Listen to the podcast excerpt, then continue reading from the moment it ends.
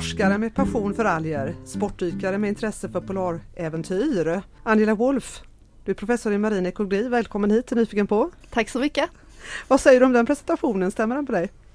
Ja, den stämmer väl ganska så precis. Nu är det inte sådär eh, nyligen. Jag var ute och dök kan jag ju säga, men eh, passionen för sportdykning och alger är ju kvar. Om du kort skulle beskriva dig själv, vad skulle du säga om dig själv då? Vad är du för sorts människa? Oj, jag är en eh, tävlingsmänniska. Jag är inte vad ska man säga, förhandlingsbar före lunch. Jag är ganska grinig när jag är hungrig. Eh, jag tror att jag är intresserad av människor och intresserad av eh, natur, djur, alger inte minst. Ja, extremt sportintresserad får man väl också säga. Lisa, du som är biolog, alger, vad säger du om det här, algforskning? Eh, jag tycker ju alger är jättespännande men jag undrar ju direkt om det var dykningen eller algerna som kom först intressemässigt. Då ska jag ju vara ärlig så här i radio och då var det ju dykningen. Algerna kom ganska långt efter mm. faktiskt. Men det, jag vet inte, sport är väl ofta en bra ingång till forskning också, eller? Jo men alltså det finns många likheter. De, de, flesta forskare är ju tävlingsmänniskor och de flesta som sysslar med tävlingsidrott är ju naturligtvis också tävlingsmänniskor. Så det där har man ju med sig. Men det här med algerna, alltså att du, du har ju ägnat en stor del av din forskningstid just till algforskning. Mm. Eh, vad är det som intresserar dig så mycket med alger? Alltså egentligen så började det med att jag skulle som alla andra som ville läsa marinbiologi, jag skulle stå på ett fartyg och klappa delfiner och jag skulle dyka med delfiner och jag skulle spana på valar. Och sen så var jag lärare i idrott och biologi så då bestämde jag mig för att jag skulle fortbilda mig inom marinbiologi. Och börja en kurs och så träffade jag min blivande handledare Kristina Sundbäck och hon hade den här passionen för mikrofytobentos, alltså mikroskopiska alger som finns på havets botten. Och hennes entusiasm med en föreläsning och hennes liksom engagemang i de här grunda mjukbottnarna, mm. det fick mig på fall. Så att efter det så började jag prata med Kristina om kanske ska göra ett exjobb och på den vägen är det. Vad är det som är så fascinerande med det då? Med att vara forskare? Ja. Alltså jag brukar säga så att när jag tänker efter att gå till kärnan, till mitt hjärta, så är det att jag får betalt för att vara nyfiken.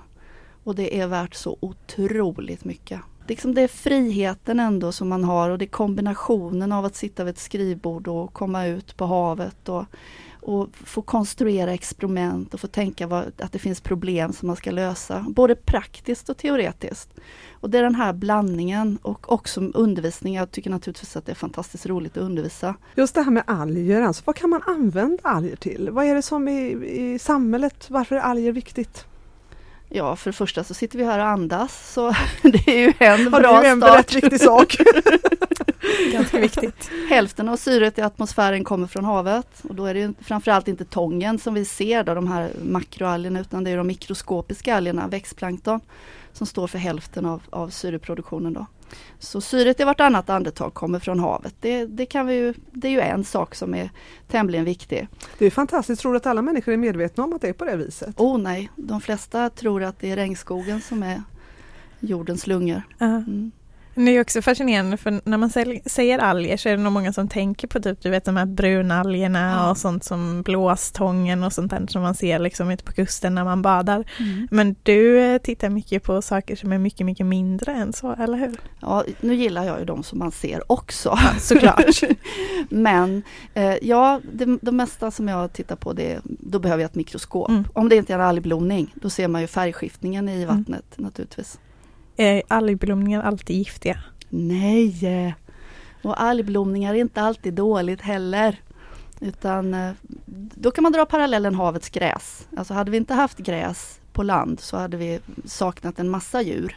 Och detsamma i havet. Hade vi inte haft algblomning hade vi inte haft fisk. Nej. Men så är det ju där, ibland blir det för mycket av det goda. Och ibland blir det kanske bara en art. Det är ungefär som om man utanför utedass så är det oftast brännässlor. Mm. De gillar ju att, övergödningen i kiss mm. helt enkelt. Mm. Så. Vad, vad är de mer bra för algerna förutom syre? Basen är näringsväven och mm. så har vi syret då, då. Och sen så, men om vi nu ska tänka så här lite större, vad kan man ha alger till? Om vi tar mikroalgerna då och kiselalgerna som jag jobbar ganska mycket med nu som växer i is då jag hoppas att du har varit utsatt för dem dagligen under nästan hela ditt liv. Genom Kanske. slipmedel i tandkräm. Mm, jo men det skulle jag nog ändå säga att jag har varit då. det. Det använder jag Vi ganska ofta. Ja, men det är ett exempel. Mm. Alltså, det finns väldigt många olika applikationer som vi använder alger till utan att veta om det. Eh, även om, om du äter en tårta eller ett bakverk, det som gör att eh, eh, vaniljsåsen håller ihop eller att det är lite gelé eller fruktgelé på en tårta. Det är också produkter som alger som man har som konsistensgivare. Jag vet att du eh, tillsammans med forskare från Chalmers håller på att försöka utveckla alger som någon sorts drivmedel också. Eh, Ja. Eh, jag vet inte hur mycket vi ska prata om det men det är Mm. är också eh, fantastiskt skilda saker egentligen som alger kan användas till tänker jag. Ja, alltså det är ju en outnyttjad re- resurs. Alltså om vi ser vad, hur mycket vi utnyttjar resurser på land då, så är, använder vi havet ganska lite förutom att ta upp fisk. Mm. Och um, om man kan utvinna biobränsle exempelvis ur mikroskopiska alger eller ur de här jättestora algblomningarna som på sätt och vis är oönskade så är, blir ju det lite grann en win-win situation. Och sen är det ju inte bara att, att det måste vara just biobränsle utan det ena leder till det andra och vi ser ju väldigt många applikationer även för kisel eh, som då finns i kiselalger. Så att, och det är väl kanske inte just nu som jag samarbetar med forskare på Chalmers utan det är entreprenörsstudenter som har gått entreprenörsskolan. De är inte studenter längre utan de är, de är de har passer, ja, de- passerat ja, det då. mm. Men, så vi, har ju, vi håller på att bilda ett bolag tillsammans. Då Det kan bli saker framöver här som kan bli intressanta och kanske till och med hamna på marknaden så småningom då. Vi hoppas ju det. Ja, Ja, spännande. ja. Tänk på att det är ett stort evenemang som ligger framför dig här nu också i slutet av maj. Den här stora konferensen som ska vara just med alger i fokus. Harmful Algal Blooms and Climate Change tror jag den heter. Ja, just det. Mm. Och det är ett samarbete med bland annat SMHI och Mm. det är massor med olika forskare som ska komma hit och spännande saker som händer. Vad skulle du vilja säga om, om den konferensen? Jag skulle säga att eh, för det första är det jätteroligt att ett sånt förhållandevis stort forskarteam från, från USA, Kanada och runt om i världen har lust att komma till Göteborg för en sån här konferens. Och sen så harmful algal blooms, alltså det är ju, då, vi fokuserar på de algblomningar som är skadliga och då kan det vara att det blir väldigt mycket av algerna och det blir syrebrist när de bryts ner. Eller också kan det vara att de är giftiga. Och det är kanske inte ett sånt jättestort problem för oss på västkusten. Det är lite större problem i Östersjön. Men framförallt i Asien, runt Afrikas kust, Indien och runt Nordamerika och Sydamerikas kuster så är det ett, ett gigantiskt problem där människor dör. Och nu har vi de här klimatförändringarna och det ju, diskuterar vi inte ens, alltså det är ett faktum. Temperaturen ökar, vi har en, en pågående havsförsurning. Och då försöker vi se, om finns det några mekanismer i det här som skulle göra att vi kan få ännu mer skadliga algblomningar? Är det så att giftiga alger klarar de här temperaturförändringarna bättre eller så? Så därför ska vi försöka samlas på den här konferensen och diskutera detta och se om vi kan komma fram till några gemensamma forskningsansökningar Mm. och hur vi kan gå vidare. Eller om det är helt enkelt så att de är som alla andra alger. Alltså Mm. det finns inget speciellt Mm. här att hämta. Vem är bäst i världen på algforskning? Men gud vilken bra fråga. Det, och det tycker jag ska svara på så här. Ja, på studs här. Eh, nej men jag kan säga så här då, alltså det finns inget sånt där just där forskar man om alger utan det, det är varje land i stort sett Mm. har sitt eget och speciellt om det är naturligtvis självklart om det är ett land som har kust. Mm. Så egentligen kan man tycka att Sverige och Norge borde vara extra mycket algintresserade. Mm. Och det kanske vi av tradition inte är så mycket som vi borde vara. Och sen är det också viktigt att säga att alger finns ju inte bara i havet, det finns ju sjöar Mm. och andra vattendrag. Då. Det är komponent i lavar så vi har ju även alger på land. Men jag tänker på, du säger ju att alger är så viktigt för syre, vårt syre helt enkelt. Och då klimatförändringarna på det, då får man ju hoppas att det inte går in och eh, stör systemet så att vi... eh, Finns det några sådana indikatorer? Vad, vad kan hända med, om klimatet förändras och det blir mycket varmare?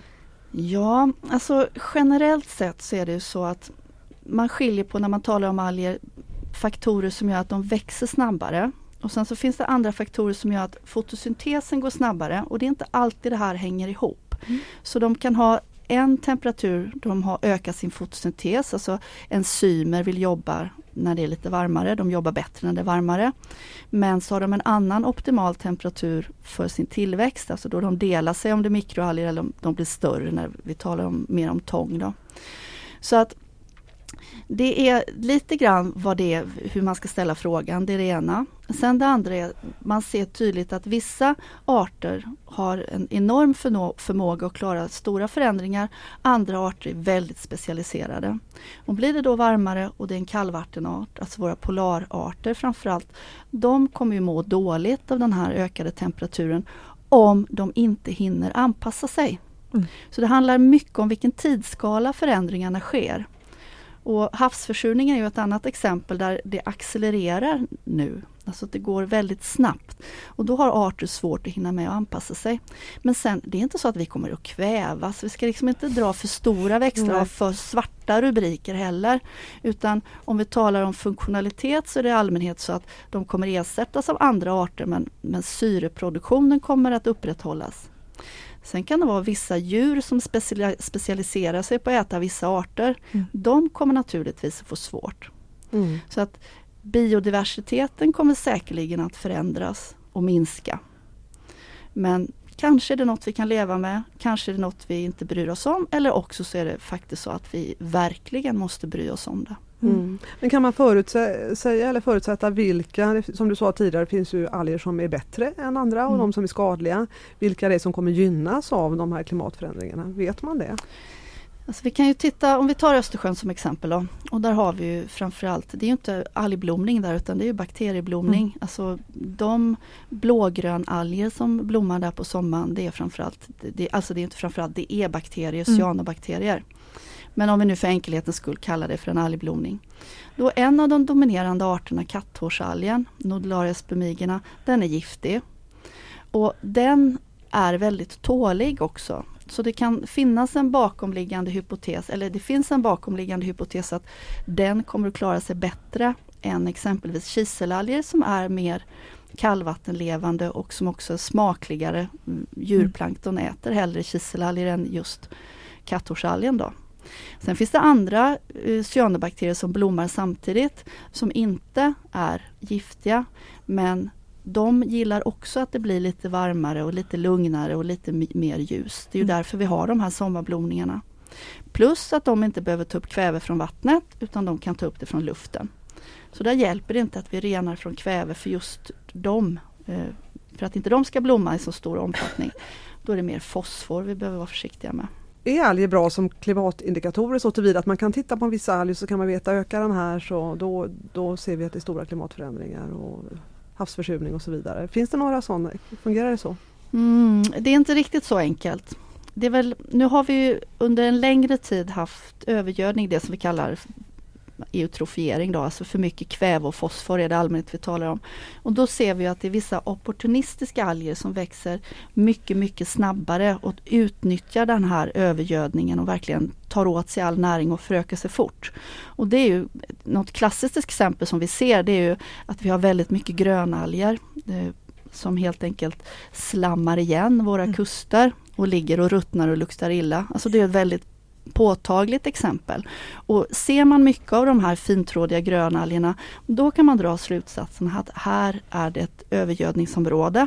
Mm. Så det är en sån här indikator man kan ha. Då. Men för att säga att det är försurat, det är lite mer komplicerat. Sen ska vi också vara väldigt tydliga med att havet blir inte surt. Det blir bara surare. Mm. Alltså pH kommer aldrig vara under 7. Nej. Det är Nej. inte den typen av surhet. Det blir mindre basiskt kan man säga. Ja, ja faktiskt. Mm. Mm. Och då är det ju de alger som har kalkskal eller någon typ av, av kalcium runt sig i sina cellväggar. De är naturligtvis mer känsliga för försurning. Och det kan man tes testa själv. Alltså ta, lite, ta ett musseskal och bryt sönder det och så droppa citronsyra eller vanlig citronsaft på. Låt det ligga och så kommer man se hur skalet löses mm. upp. Det är precis samma som sker med just de här algerna fast under mycket längre tid och mycket svagare syra. Då. Mm, är alger bra liksom på att anpassa sig till nya miljöer? Mm, ja det kan du.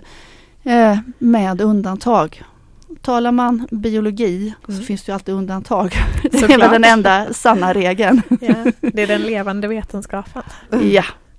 Eh, så att det är väldigt eh, det är en väldigt hård generalisering att säga att alger alltid kan anpassa sig men det finns alger som är otroligt anpassningsbara.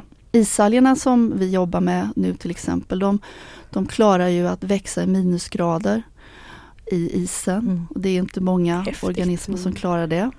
Det är fascinerande, då måste vi också berätta att du har alldeles nyligen varit i, varit på Antarktis och du har forskat här tillsammans med en kollega.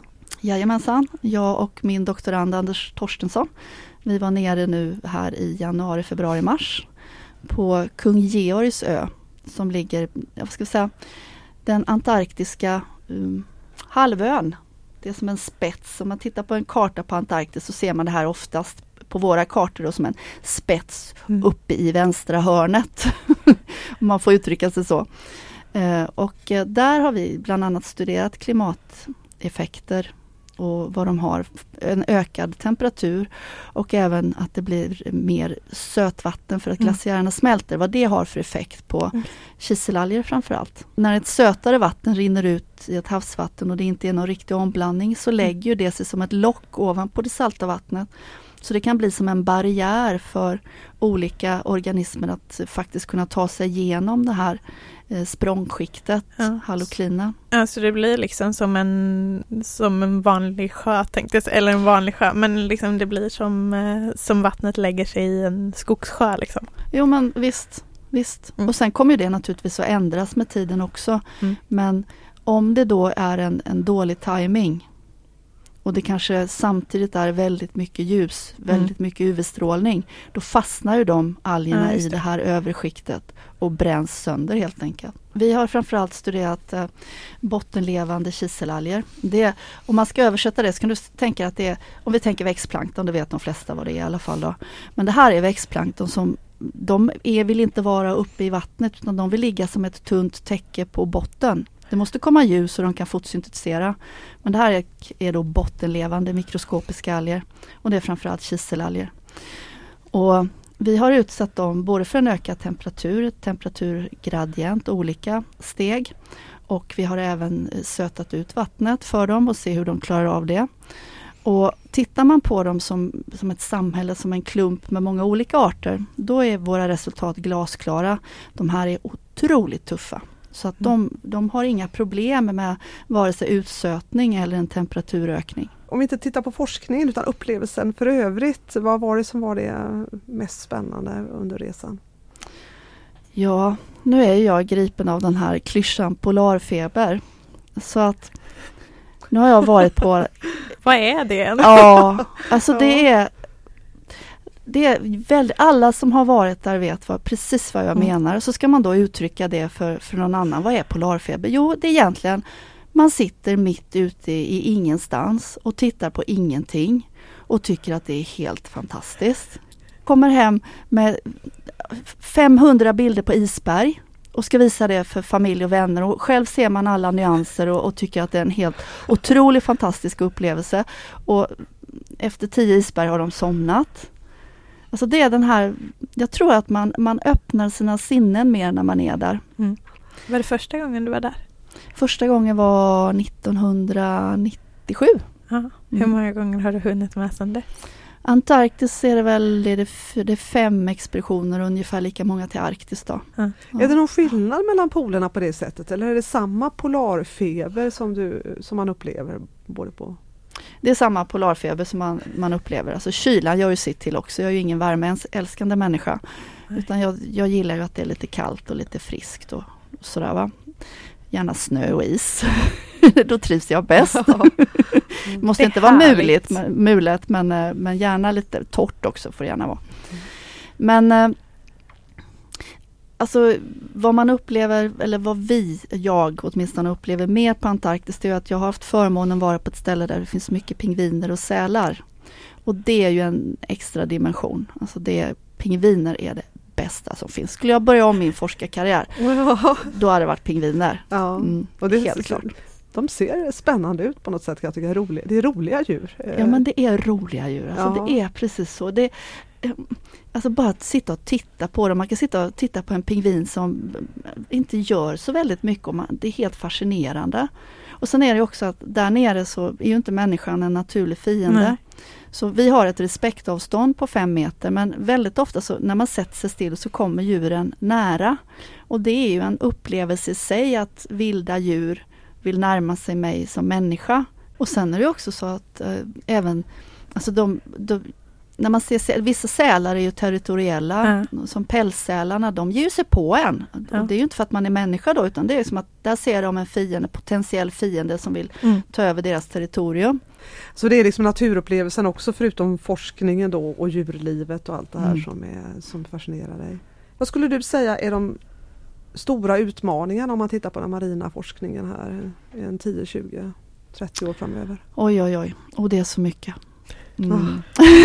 Och det är så mycket spännande att forska på. Alltså det, är, det är svårt att defi- definiera någonting men, men vi måste ju komma till rätta med vår, eh, jag höll på att säga fiskeripolitik, men det handlar ju mycket om politiska beslut. Eh, Det är det ena. Mm. Sen så skulle jag också säga att det här de pågående klimatförändringar som vi har, alltså vi, vi måste sätta ner foten och ta tag i det och göra något åt det innan det är för sent. Klimatförändringar, det måste vi definitivt ta tag i. Utfiskning, ja. Och eh, en minskad eh, biodiversitet i havet tycker jag också är väldigt akuta ämnen. Eh, får jag ställa en matfråga då? Jaha. Kommer vi, kunna, kommer vi vilja och kunna äta alger? Kan kan vi. Kan kan vi? Utan Gör vi det i problem. någon utsträckning? Ja, om du äter sushi så äter du alger i alla Mm. fall. Det, det är ju populärt. Men om man tänker, ja vi kommer att äta alger i större utsträckning. För vi kommer nog faktiskt att vara tvingade att eh, använda havet som vår trädgård också och inte bara då till kött, alltså fiskproduktion.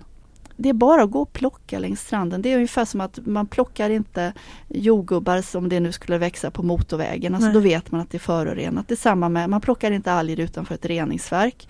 Men är det en hyfsat god omsättning av vattnet och individerna ser friska ut, ja, men det är bara att plocka och testa och prova sig fram. Vi är ju extremt dåliga på det här i Sverige. Men det behöver inte gå så långt. Island, där, där är det en ganska stor del av deras diet. Men man kan alltså till sommaren gå och plocka på västkusten? Eller? Oh ja, oh ja. Vad ska man plocka? Om man ska börja med någonting, Ja. alltså något enkelt, då ska man plocka de här stora eh, bladen, gröna bladen som växer ganska högt upp i vattenbrynet och det heter havssallad. Så enkelt är det. Kokar man- man den då eller vad? Du kan koka den om du vill men det behöver du inte utan det går bra att strimla och ha i en vanlig grönsallad. Eller varför inte på en fiskrätt. Fler och fler fiskrestauranger serverar ju också alger i Göteborg inte minst. Eh, Det är väldigt, väldigt enkelt.